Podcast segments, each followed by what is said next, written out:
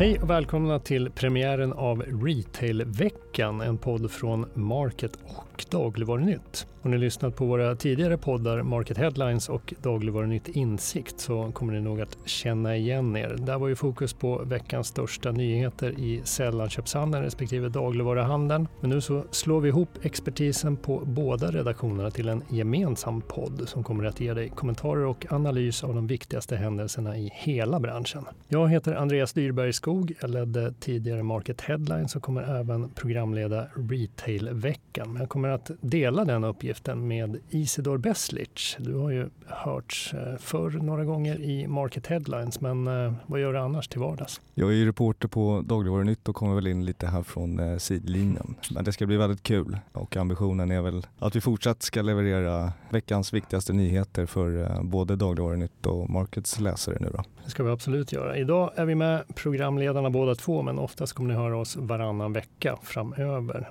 I varje avsnitt kommer vi också ha med de reportrar som har skrivit veckans mest uppmärksammade artiklar och eh, idag så har vi sällskap av Mikael Sydner. Välkommen till dig också. Det, det är inte första gången du hörs i Nej, min stämma har väl ekat ut i etern ett antal gånger. Yes, men eh, nu till det viktiga. Veckans nyheter. Bästa artiklarna på dagligvarunytt.se och market.se.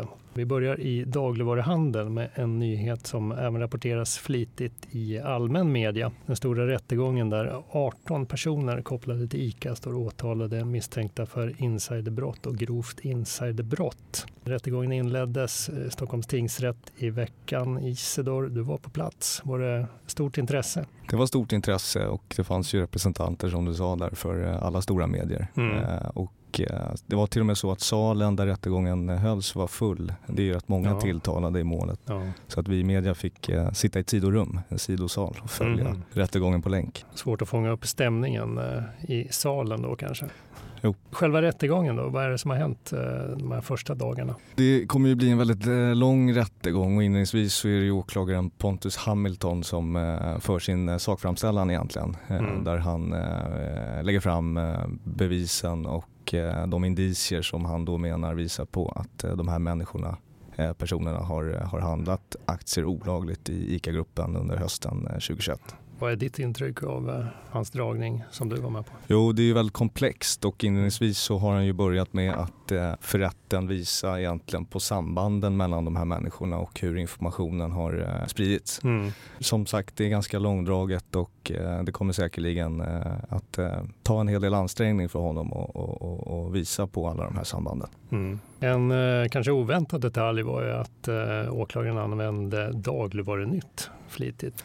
Ja, så var det. Han eh, använde ju mycket av den bevakning som Dagligvarunytt gjorde eh, under den perioden, september-oktober 2021. Jag tror det var uppemot en 15-20 artiklar kanske som han eh, drog upp och läste högt i, ja. inför rätten. Och då eh, liksom för att påvisa kontexten inom vilken de här påstått olagliga transaktionerna har ägt rum och hur det rapporterades om ICA som bolag och hur ICA som bolag gick Eh, och han menar ju då på att eh, det inte fanns några större indikationer på att aktiekursen skulle gå upp och ja. därmed eh, visa då på en indicie som, som säger att det är konstigt att de här transaktionerna har ägt rum med så stora summor. Mm. Tror du att det kommer dyka upp artiklar från Dagligvarunytt i försvarets plädering också?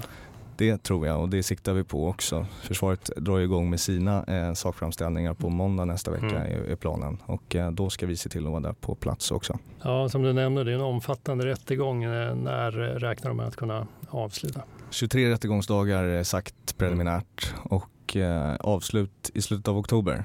Och sen så mm. Eh, har tingsrätten gjort bedömningen att en eh, dom kan falla innan jul. Det får vi väl se om det blir.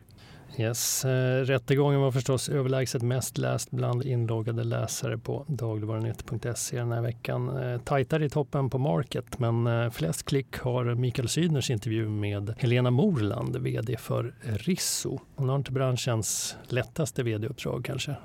Nej, det har hon inte. Men eh, fast besluten att lyfta det här företaget eh, och ta det dit hon tycker att det ska vara. Det här är ett bolag som egentligen har haft nio liv. Nu ska vi liksom inte rada upp alla problem och svarta rubriker som har varit kring Ritz de senaste åren. Men man kan ju bara googla på market.se för att liksom hitta sånt så det räcker och blir över. Mm. Det har ju varit en fight för överlevnad för Ritz och, och bolaget står nu med en nyemission i, i ryggen och en relativt ny vd då, som tror stenhårt som sagt på, på bolagets framtid. Ja, det här är ju ett av de bolag som många kanske redan har skrivit en dödsruna över men varje gång har de lyckats liksom klara sig kvar. Nu senast genomgick de ju en rekonstruktion men konkurs har de klarat sig eh, undan. Ja, ja. de har liksom lyckats ducka för alla de här sakerna. Och hon har ju bland annat pekat på um, vad, att bolaget har gjort väldigt mycket saker under de här tuffa åren med mm. ganska dåliga förutsättningar under pandemin och, och precis efter. Hon menar på att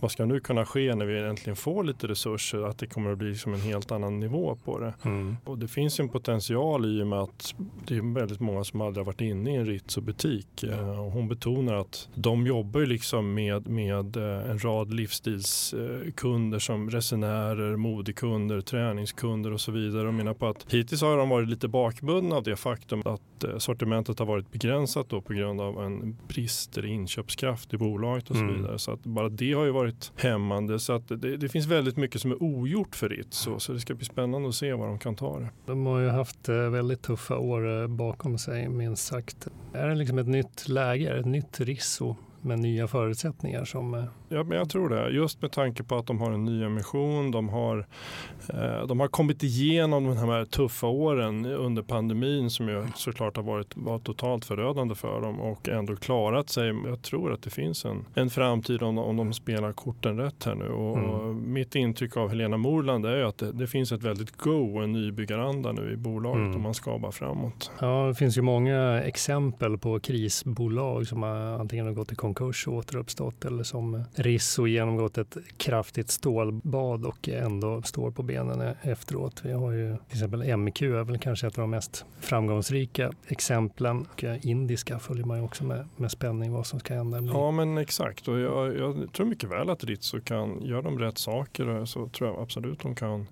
Nu har vi ju pratat väldigt mycket tidigare också om det här med att, att starta hela kundresan på nätet så att, att man inte bara pratar e-handel utan man pratar nätet som en viktig startpunkt. Även mm. om Ritso har pratat om vikten av fysisk handel så, så ser, har de ju helheten klar för sig. Ja, det blir spännande att följa som sagt. Eh, vi kommer att ha tre ämnen i varje avsnitt av Retail-veckan. Eh, det sista vinjetterar vi veckans och där lyfter vi något som har stuckit ut den senaste veckan. Idag blir det veckans prisvärda företag.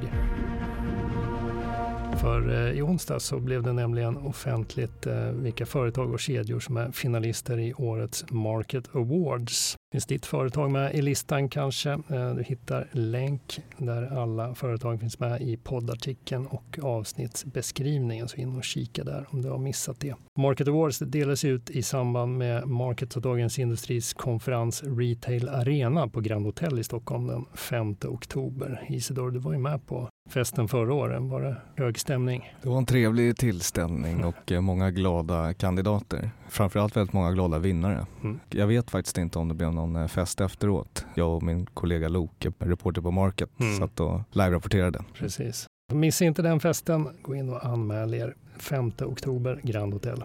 Nu är det dags att runda av för idag. Ni har lyssnat på Retailveckan, en podd från Market och Dagligvarunytt. Ansvarig utgivare Fredrik Svedjetun. Tack för oss. Vi hörs igen nästa vecka. Hej då. Hej hej.